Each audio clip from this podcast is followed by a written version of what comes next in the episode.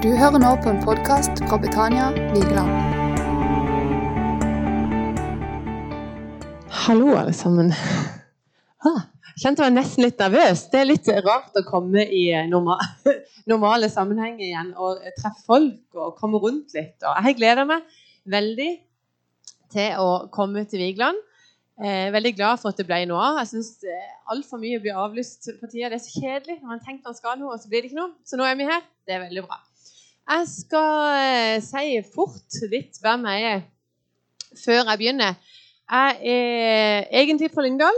Bodd i Lyngdal nesten hele livet. Eh, og så bor jeg nå i Åseral. Eh, der eh, flytta vi opp for tre og et halvt år siden. Sammen med min mann. Og da hadde vi med oss fire barn. Så hadde vi en som hadde flytta ut, og så flytta vi til Åseral. Jeg er født og oppvokst i en eh, fin kristen familie i Lyngdal. Jeg vokste opp i Den norske kirke og bedehus. Eh, og så eh, ble jeg sånn ca. 15-16 år. Syntes jeg var altfor kul for det de holdt på med der. Og så hadde jeg aldri helt skjønt greia. Kanskje jeg var liksom i alle fall noen år da, der jeg ikke syntes det var så veldig viktig. Eh, og drev med mye annet. Eh, og så opplevde jeg og bli invitert på møte. Nå, dette er en sånn historie jeg kan fortelle mange ganger, men jeg må liksom bare gi dere litt sånn Jeg har ikke, jeg har ikke alltid hatt et kall om å, å, stå og snakke for andre folk om Jesus. Eh, jeg har lyst til å gi dere et lite bakteppe. Så, så um, jeg ble invitert på møte, ja, og bare opplevde at oi, det er dette jeg leter etter. Det er dette jeg lengter etter. Jeg visste jo at jeg på et eller annet tidspunkt må hjem igjen. Og her er det. Og så tar jeg imot Jesus. Og så var det Ole Kristian Iglebekk som talte da og ba med meg. Og han jobber nå sammen med i Åsral i Betania, så jeg føler liksom at ringen er slutta, og at jeg er eh, med der som vi skal, skal være. Um, jeg skal be en bønn før jeg begynner sånn helt for ordentlig. Takk, Jesus, for at du er her, og du vil snakke til oss. Takk for at du ser ikke bare en flokk. Du ser enkeltmennesker som sitter her, og du er interessert i våre liv. Du er interessert i den enkelte, du er interessert i det som er bra for oss. Du er interessert i det som er vanskelig, og du er interessert i at vi skal leve livet vårt sammen med deg. Takk for at du vil, vil gi oss noe i dag, og at du kom med din ånd og, og taler til oss. Hjelp oss å være lydhøre for deg. I Jesu navn. Amen.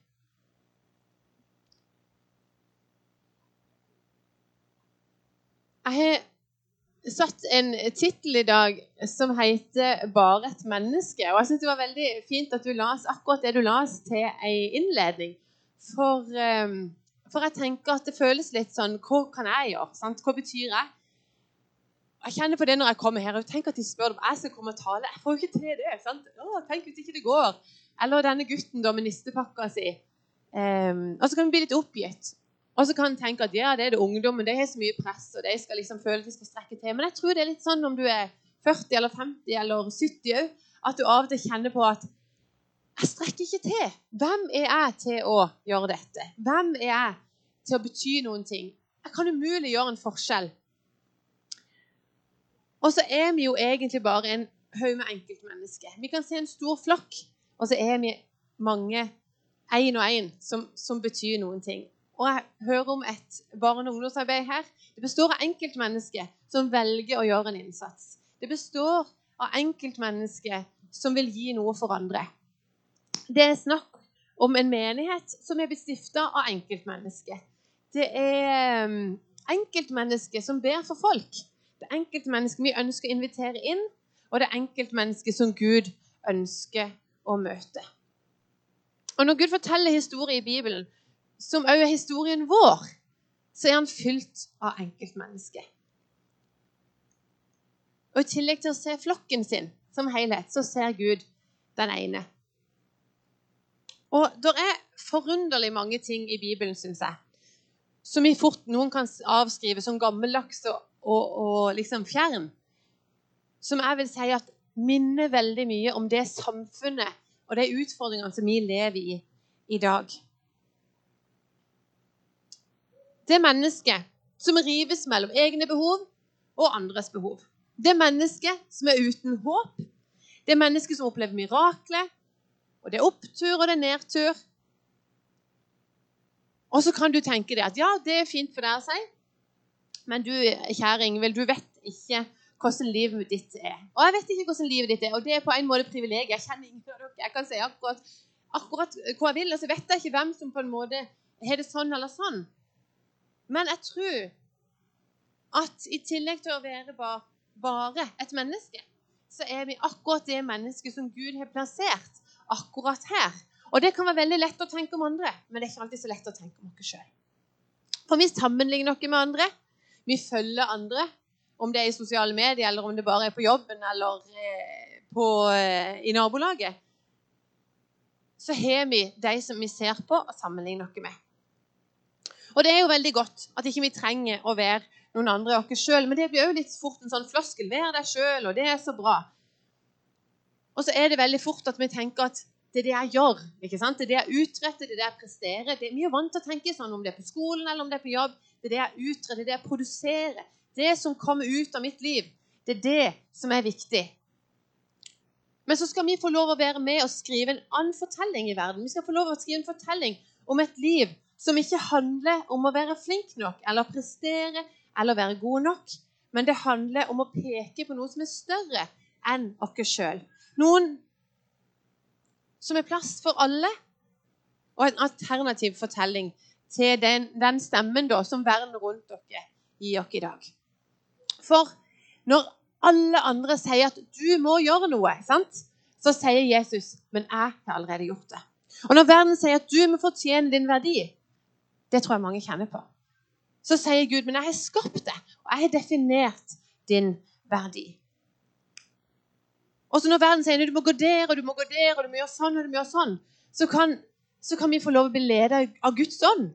Og så kan vi få lov å leve et liv utover det som handler om prestasjon og suksess. Og I en veldig liten bok i Bibelen så kan vi lese om noen sånne enkeltmennesker som velger å gjøre kanskje noe annet enn det som, som ble forventa.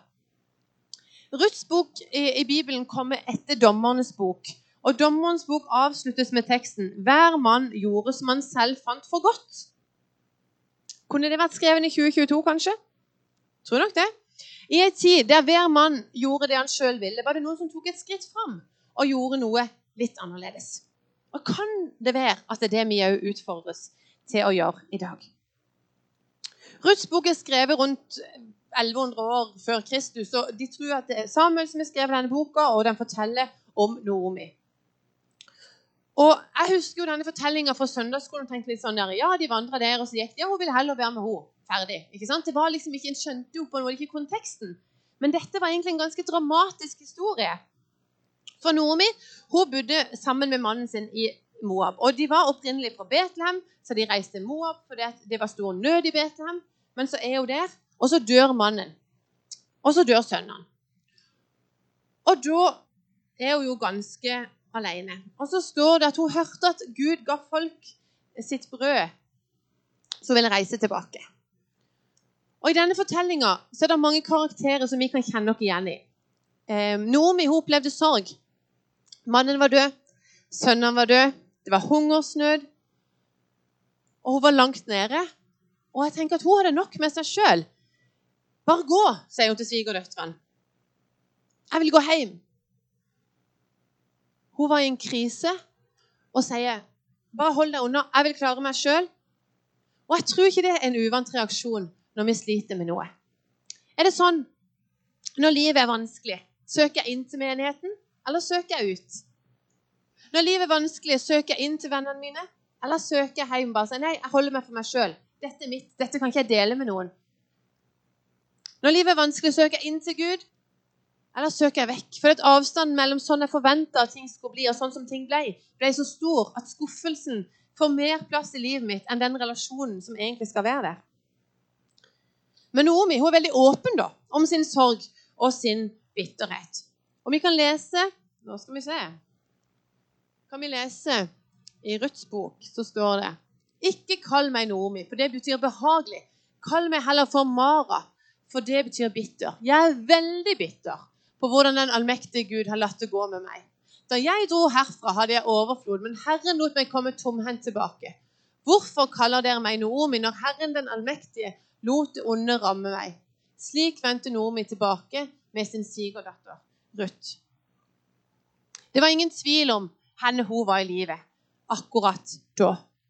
Hun valgte å være åpen og si at dette er skikkelig elendig. Det er ikke sånn jeg er bitter. Er det vanskelig?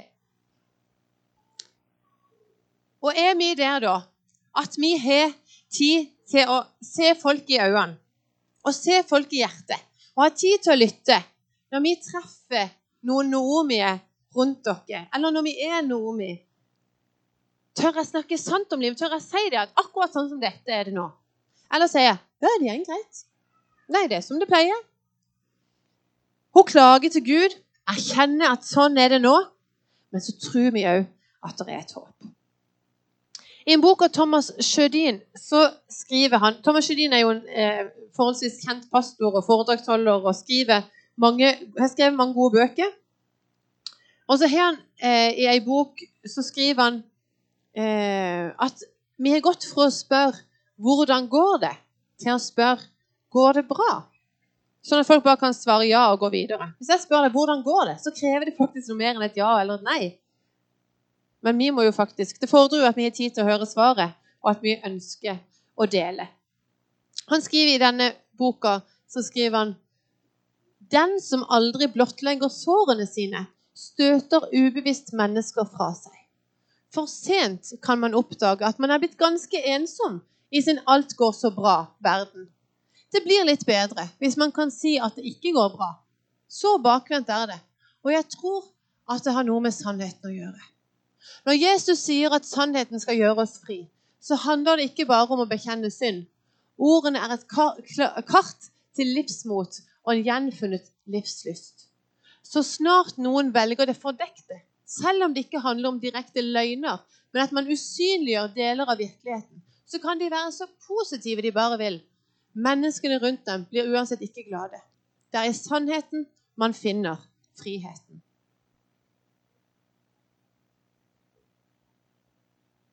Når Noomi ber svigerdøtrene om å gå, så gjør Orpa det. Den ene svigerdattera. Men så er det Ruth. Steieren, medvandreren. Og vi trenger alle en Ruth i våre liv. Ruth sa noen veldig kjente ord som vi kan lese i, eh, videre i teksten. Be meg ikke om å forlate deg eller dra tilbake, for dit du går, vil jeg gå. Der du bor, vil jeg bo. Ditt folk er mitt folk, og din Gud er min Gud. Der du dør, vil jeg dø, og der vil jeg bli gravlagt. Måtte Herren straffe meg både nå og siden dersom jeg forlot deg. Bare døden skal kunne skille deg og meg.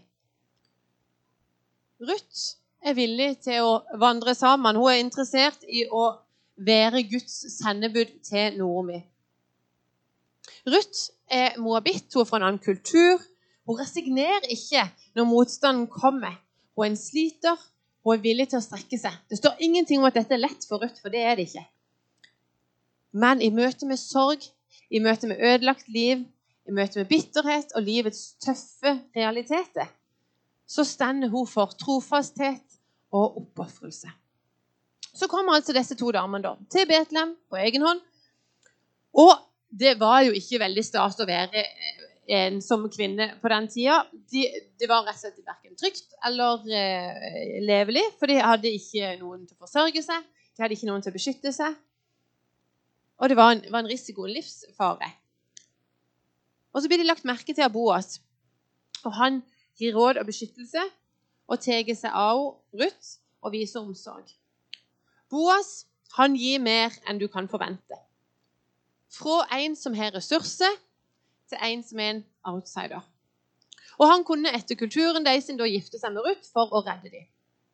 Han var raus med ressursene sine, mens Ruth på sin side tar et initiativ. Nå leser jeg ikke hele den teksten, men poenget at hun kunne legge seg under hans teppe. Det var jo en eh, litt annerledes kultur enn vi har i dag, da, men det var ensbetydende med at da var det giftermål som var neste punkt på programmet. Og, og det som jeg vil at du skal få med deg, er at dette skjer på en helt vanlig treskeplass. Alt dette som, som lager seg for Boas, og der han velger å, å gi, der Ruth velger å eh, ta et initiativ og ofre seg, der Noromi viser sin svakhet. Dette er en helt ordinær hverdag. Kanskje på en vei, kanskje på et jorde på denne treskeplassen. Det er ikke på et møte eller på et åndelig sted. Det er i en hverdag. Gjennom enkle, normale mennesker. Og så er Gud der, og så gjør han noe gjennom deg og i deg. Det var veldig mange som skrev 'alt blir bra' og tegnte regnbue sånn, de siste tidene. Det har vært veldig, veldig bra gjennom korona at folk er positive og setter mot i folk. Men vi må tørre å si at ja, alt blir bra. Men jeg kjenner han som har satt den store regnbuen på himmelen. Jeg kjenner han som har sagt at han vil gi oss håp. Jeg kjenner han som er her helt på ordentlig for å gi meg det jeg trenger. Og så må vi òg tørre å snakke sant om livet når det faktisk ikke er sånn vi skulle ønske i det hele tatt. For hvis ikke vi viser smerte, så kan vi heller ikke få se helbredelse. Og hvis ikke vi viser vår egen håpløshet, så vil heller ingen se det håpet som vi har. Og Noen ganger så må vi velge over den som handler. Og Ruth hun handla. Hun tok tak i situasjonen. Hun hadde fått kraft av Gud til å gå inn i situasjonen. Og det er ikke bare her inne på et møte Jesus virker. Det er ikke gjennom, bare gjennom forkynnelse og lovsang. Det er liksom ikke gjennom profesjonelle folk. Det er gjennom helt vanlige folk i helt vanlig liv. Folk med helt vanlige jobber og folk uten jobb. Folk som går på skole, og folk som er hjemme, og folk som er uansett hvor vi er. I Efeserbrevet kan vi lese vi er skapt av Gud, og vi er Hans verk. Derfor er vi beredt til å gjøre gode gjerninger som Gud på forhånd har bestemt for oss, slik at vi skulle vandre i dem. Sånn at hvis jeg satt med en nistepakke som Jesus trengte, så var jeg klar til å gi han. Eller hvis jeg satt med løsninger for noen andre sitt problem, så er jeg villig til å strekke meg, sjøl om det kanskje koster meg både tid og penger. For Gud skriver sin historie gjennom våre hverdager. Og da er det veldig fort å tenke ja, men jeg synger jo, jeg er med i søndagsskolen, jeg deler ut nattverd eller koker kaffe. Helt topp. Alt sammen. Supert. Kjempeviktig. Men vi er her kanskje én, to, tre timer i uka. Men alle de andre timene så er du der du faktisk er plassert. Og så kan du få lov å tenke at jeg er ikke bare meg. Jeg er meg, som er plassert akkurat på denne arbeidsplassen eller i akkurat denne gata det er her jeg skal bo, eller det er her jeg skal jobbe, eller det er akkurat han jeg skulle treffe i dag, og spør om han ville ha en kaffekopp. Jeg så en andakt på Facebook tidligere, en sånn liten snutt, der de fortalte om Ludvig Carlsen. Og Ludvig Carlsen er jo et kjent navn for, for mange, men han starta jo Evangeliesenteret. Og før, det, uh, før han ble kjent med Jesus, så levde han et liv som var veldig tøft. Det var rus, det var økonomi, relasjoner, kriminalitet. Alt var på en måte kjørt absolutt ikke der det burde være. Og det var ingenting som satte stempelet 'kvalifisert' på ham. Og Ikke så lenge etter han tok imot Jesus, så opplevde han at Gud kalte han og sa til han at du skal bli evangelist. Og så sier Ludvig, så svarte jeg, men Gud, det er så lite jeg kan. Så svarer Gud, ja, så du kan litt? Men kjære Gud, jeg kan jo ingenting, hadde han sagt men da kan du gå. For jeg bruker det som ingenting er, sier Gud til Ludvig Karlsen. Og så gikk han. Og mange år seinere så vet vi at det har gjort en forskjell. Det har vært nesten 40 år med rusomsorg, med enorme mengder mat som er blitt delt ut, og masse ansatte. Stort arbeid. Fordi at en mann tør å si 'Jeg kan ingenting'. Men Gud, gjennom meg skal du få lov å gjøre noe. Fordi at et enkelt menneske er villig til å strekke seg er villig til å gjøre det du kan, akkurat der du er. På den treskeplassen som du stender på. Og Når vi da ser på disse karakterene i Ruths bok, så er det jo ikke sånn at vi er på den samme plassen i livet hele tida. Og det kan jeg òg kjenne på at noen ganger så, så kan jeg føle meg som Nora mi, at alt er helt knust. Og noen ganger så kan vi være noen sin Ruth. Så jeg har satt opp tre punkter som vi på en måte kan hente ut av deg. da. Snakk sant om livet. Nomi hun sa det. Dette er helt forferdelig. La andre få lov å vandre sammen med deg. Og jeg tenker at vi har et spesielt ansvar som kristne Hvor mange har hørt sagt sånn, å, kristne tror de er bedre enn alle andre, kristne er så perfekte. Jeg, jeg passer ikke inn der, for jeg er ikke sånn. Og så har de, sett for seg en boks hvordan de skal passe inn. For du er gjerne kledd sånn, og du jobber der, og du har det sånn, og alt er så på stell. Så passer du inn i den kristne boksen. Og så er det veldig mange som distanserer seg. Og vi som da hører til innenfor dette fellesskapet, har et ekstra stort ansvar for å vise egen sårbarhet og si dette syns jeg er vanskelig.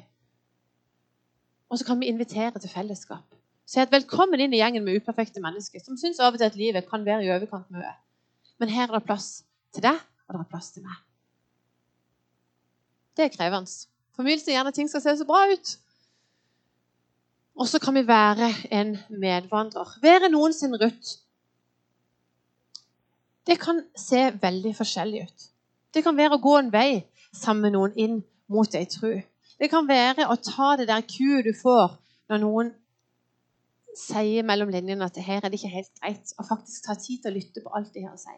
Det kan være å sitte barnevakt for noen småbarnsforeldre så de kan gå på husgruppe. Det kan være å, eh, å tørre å ta seg tid. Og se det som kanskje ikke alle andre ser. Og så er det en del boaser iblant dere. Folk med ressurser. Folk med mulighet, mulighet til å snu andres situasjon. Det kan handle om tid. Det kan handle om tid til å lytte, det kan handle om tid til å hjelpe. Eller det kan handle om penger. Materielle ressurser. Å leve et raust liv Å dele nistepakka si, og ikke vite hva du har igjen etterpå. Jeg vil utfordre deg og meg, for dette gjelder meg òg, å tenke på akkurat det. Og det er topp å tjene menighet. Men det er veldig fort å tenke at fordi at jeg har denne oppgaven, så har jeg gjort mitt. på en måte. Nå kan jeg gå tilbake til mitt vanlige liv. Men dette handler jo om noe som, som skal fylle hele livet vårt. På de arenaene som vi er. De første kristne de var ikke kjent for fine møter og høy musikk eller stilig sånn eller fancy det og det. De var kjent for de gode gjerningene de gjorde. De var respektert blant folket. Og hvordan skal vi klare å leve det livet? I Apostlenes gjerninger 1,8 så står det men dere skal få kraft når Den hellige ånd kommer over dere. Og dere skal være vitner om meg i Jerusalem og i hele Judea og Samaria og helt til jordens ende. Det kan jo høres litt heftig ut. Det kan høres litt mye ut. Men det handler faktisk om å tro på at dette handler jo ikke bare om noe du skal være flink til. Det var litt sånn som Hvis jeg spolte tilbake til den Ingvild som vokste opp og tro, ikke hadde skjønt helt greia med Den hellige ånd og tenkte dette høres jo bare altfor slitsomt ut. Alt det som jeg skal gjøre som skal være riktig, det var veldig mye som ikke var lov, som var gøy, og det var mange ting som jeg ikke skjønte. Mye lettere bare å holde avstand. Jeg hadde aldri fått opplevd at Den hellige ånd hadde fulgt meg av mitt liv. Men når Den hellige ånd fyller dere og leder dere, så kan vi erfare at vi kan få lov å være et verktøy der vi skal være. Vi bodde i Lyngdal, som jeg har sagt. Eh, vi hadde eh, flytt, Jeg tok imot Jesus på et møte i Åsral. Vi flytta til Lyngdal for å ta over gården til mine foreldre. og Der skulle jeg bo til eh, min siste dag. For Lyngdal er plassen. Det føler jeg jo fortsatt det er. Jeg vet ikke om det er lov å si her, men det er en bra plass. Og Vi var i Lyngdal, og jeg følte vi levde midt i smørøyet. For vi gikk i en menighet. Vi begynte der som sånne forsiktige folk på siste rad. Og endte opp med å være i et fellesskap. Det var folk som tok oss med. Vi fikk lov å vokse. Fikk lov å komme inn i noe. Og det var litt sånn her, Dette er helt perfekt. Hadde en spennende og flott jobb som jeg var veldig glad i. Alt var veldig greit. Og så kjenner du plutselig på at det er ikke her du skal være. Og det koster mye, for dette er jo her jeg har lyst til å være. Dette er jo så bra. Først så skjer det noe med jobbsituasjonen min. Jeg har en, en fin, eh, grei jobb. Så opplever jeg at Gud kaller meg til å gjøre noe annet. Og det, unnskyld, det ble veldig, veldig tydelig. Fordi vi hadde en litt spesiell familiesituasjon. Jeg har noen barn med spesielle behov. Og så kjente vi, hadde, kjente vi veldig på at vi skulle bli fosterhjem. Jeg eh, gikk på kurs for det, og jeg jobba i, i, banken og kjente at å, så, det var så mye av min identitet som handla om hvor flink jeg var i den jobben. Og så, eh, så, opplever vi at det kommer eh, en forespørsel. Vi får et barn som kommer til oss. Og jeg, jeg søker permisjon. Er hjemme plutselig. En helt annen hverdag. En helt annen måte å finne, finne mening, da. Så gjør jeg dette sånn. Begynner å jobbe etter hvert når jeg begynner å jobbe igjen. Så jobber jeg i menigheten som vi går i i Lyngdal. Og så begynner vi å kjenne på noe med Åseral. Og vi hadde hytte i Åseral. Sveinung, mannen min, er fra Åseral. Men vi bodde der en kort periode før ungene ble født. og jeg var veldig sånn, jeg skal aldri la ungene mine vokse opp her. Det er ikke som i Lyngdal. I Lyngdal bor du jo i beltespenner. Det er jo kjempegreit å bo i Lyngdal. Du har liksom alt. Eh, eh, lett å være kristen, det er fint å gå i menighet, alt er bra. Mm, så flytter vi opp der. Nei, så, så kjenner vi der mer på hytta og sånn. Og kjenner det fysisk at det er her vi skal være. Dette, dette er hjemme. Og så må, ender vi opp med å selge bokstavelig talt gård og grunn. og så flytter vi til Årdal, og alt legger seg til rette for å komme opp der. Og da var det så viktig for meg at vi kom ikke opp der for at jeg skulle jobbe i en menighet. Vi kom ikke opp der, Da hadde jeg ikke noe, noe jobb i, i, den menigheten vi går i. Vi kom der for å være helt vanlige mennesker som bodde i ei vanlig gate, som hadde unger på skolen, som skulle ha en arbeidsplass og være naboen til folk. Og så fikk jeg lov å bli kjent med folk som plutselig har masse tro.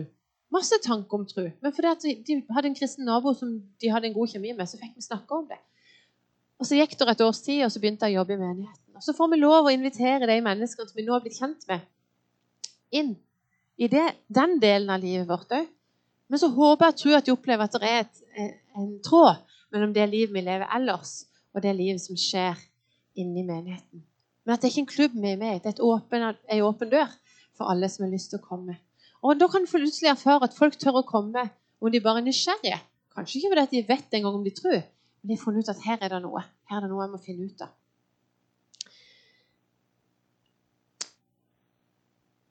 Hvis vi går tilbake til historien om Ruth og Boas Ruth og Boas de får barn. Dette trøster og sikrer Naomi, for hun fikk etterkommere. Dette var jo en nøkkel for å bli forsørga. Du, det gjenger liksom bra, ikke sant? Og så avsluttes Ruths bok med hun og, Ruth, nei, hun og Boas sine etterkommere. Og kanskje det er nettopp for å vise at rekke på rekke med enkle, vanlige mennesker gi en fortelling som er noe helt annet enn en liten fortelling. For det er det som binder sammen den store fortellinga.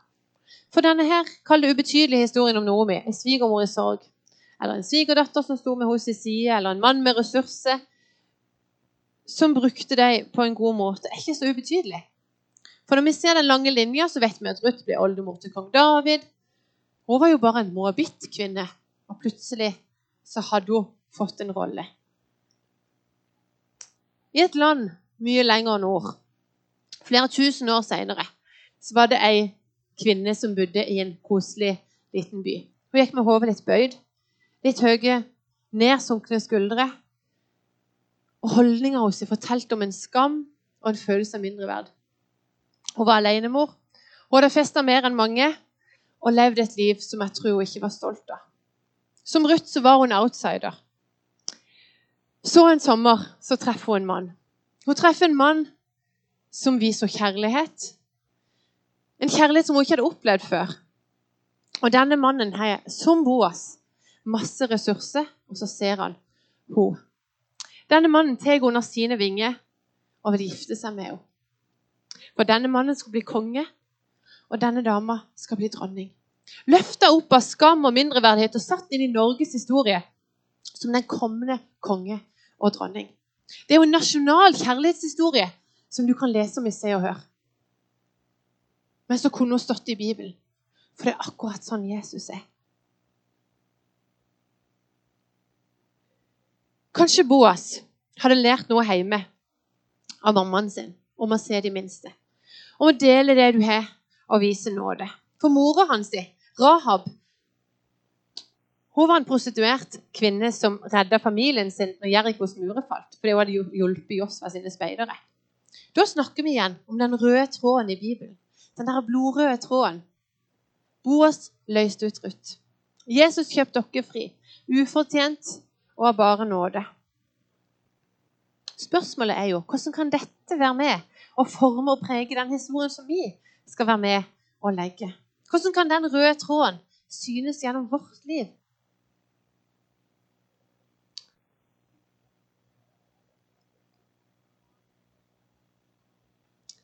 Han ber oss om å følge han i møte med andre mennesker. Han ber oss om å følge han når vi vil møte harde ting i livet.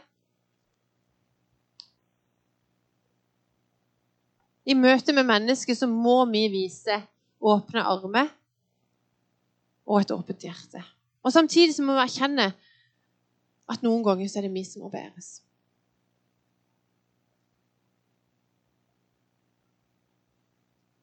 Jeg kan se tilbake på et liv Det er noen enkeltmennesker som har betydd så utrolig mye for at jeg er her som jeg er her i dag.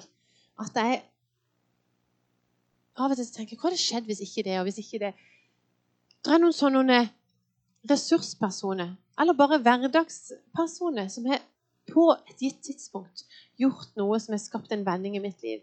Jeg var eh, som jeg sagt, ikke så interessert i sånne kristne greier når jeg var ungdom. Jeg var på eh, festival. Eh, det var for øvrig mitt eget utdrikningslag, og jeg var egentlig ikke helt eh, i Ja. Eh, det var mange ting. Og jeg, jeg kjente at livet var, var, liksom ikke der jeg ville ha det. Jeg visste jo at jeg lengta etter noe. Jeg, jeg etter noe. Så tror jeg egentlig at inni meg så visste jeg hva jeg lette etter. Men det kosta veldig mye. Og så gikk jeg rundt på denne festivalen, og så plutselig er det en som sier 'Hei, Ingvild'. Jeg bare 'Å nei, det noen som kjenner meg her? Hva skjer?' For der hadde da Den norske kirke en sånn stand. De delte ut kaffe og kake. Og der var en som jeg hadde kjent ifra før, når jeg var liksom med i kristne ting. Og jeg kjente at jeg var så skamfull. Men han sa ingenting. Han sa ikke sånn 'Hvorfor er du her?' eller 'Hvordan er det du ser ut?' eller 'Hva du holder på med?' Han bare sa 'Fint å se deg'. Hvordan går det med deg? Fortell om livet ditt. Så ga han meg en kaffekopp. Og det skjedde ingenting der. Etter han sitt Han vet jo engang ikke at han var betydningsfull for meg, og at jeg står og husker på han nå. Så mange år seinere. Men det skjedde noe med meg i det møtet der. For det er mitt øyeblikk. Og da kom hun til seg selv. Dere husker historien om den bortkomne sønnen, han som var ute og hadde reist hjemmefra. Og så står det at han kom til seg sjøl, og så begynte han på veien hjem. Det var mitt 'da kom jeg til meg selv'-øyeblikk. Så gikk det et år før jeg var på dette møtet og, og, tok imot Jesus. Men jeg tenker at vi kjenner veldig mange som er kanskje imellom der, i den fasen mellom har kommet til en erkjennelse at 'dette vil jeg ha en bit av'. Men det er ikke sikkert de sitter her for det. For det treffer du alle andre plasser. Og da er det så viktig hvilken rolle vi tar på oss i møte med deg. Det er så viktig at de får møte far eller en medvandrer istedenfor å møte han der hjemmeværende sønnen som sier 'Tror du du kan komme her og komme her?' Eller noen sier 'Too late'. Vi må være en medvandrer når vi kan det. Vi må være en som deler våre ressurser. Og det utfordrer meg, for jeg er så fort å se på hva jeg trenger. Og noen ganger så kan jeg få lov å bare ta imot, for det er meg som trenger. Og jeg trenger og jeg trenger. Og vi trenger å bli fylt på for å kunne gi. Men jeg tror at alle vi har mennesker rundt dere som vi kan strekke oss litt lenger for, og som kan gjøre litt mer. Kanskje ikke du får lov å være den som ser at de tar imot Jesus, men du skal gjøre det bare fordi han, han ber dere om å være gode. Og så tror jeg òg at det er med på å peke dem i en retning som er litt annerledes enn den de har i dag. Jeg går mot en avslutning. Og eh, vi, skal, vi, skal, straks synge lovsang, og det er tilbud om forbønn. Og Jeg har lyst til å utfordre deg litt i dag. Jeg vet ikke hvor du er i livet akkurat nå, om du føler deg som Noomi, eller om du føler deg som Ruth, eller om du føler deg som Boas, eller at det kan være noe av hvert. Men jeg tenker at vi skal tørre å ta den ballen, og tørre å ta, ta en beslutning om at mitt liv skal bety noe for noen andre. Og de dagene jeg trenger at noen andre skal bety noe for meg, så skal jeg tørre å si det. Jeg skal snakke sant om livet skal jeg dele, og skal jeg invitere mennesker inn i livet mitt og i livet vårt som fellesskap. Selv om det av og til er ganske vanskelig.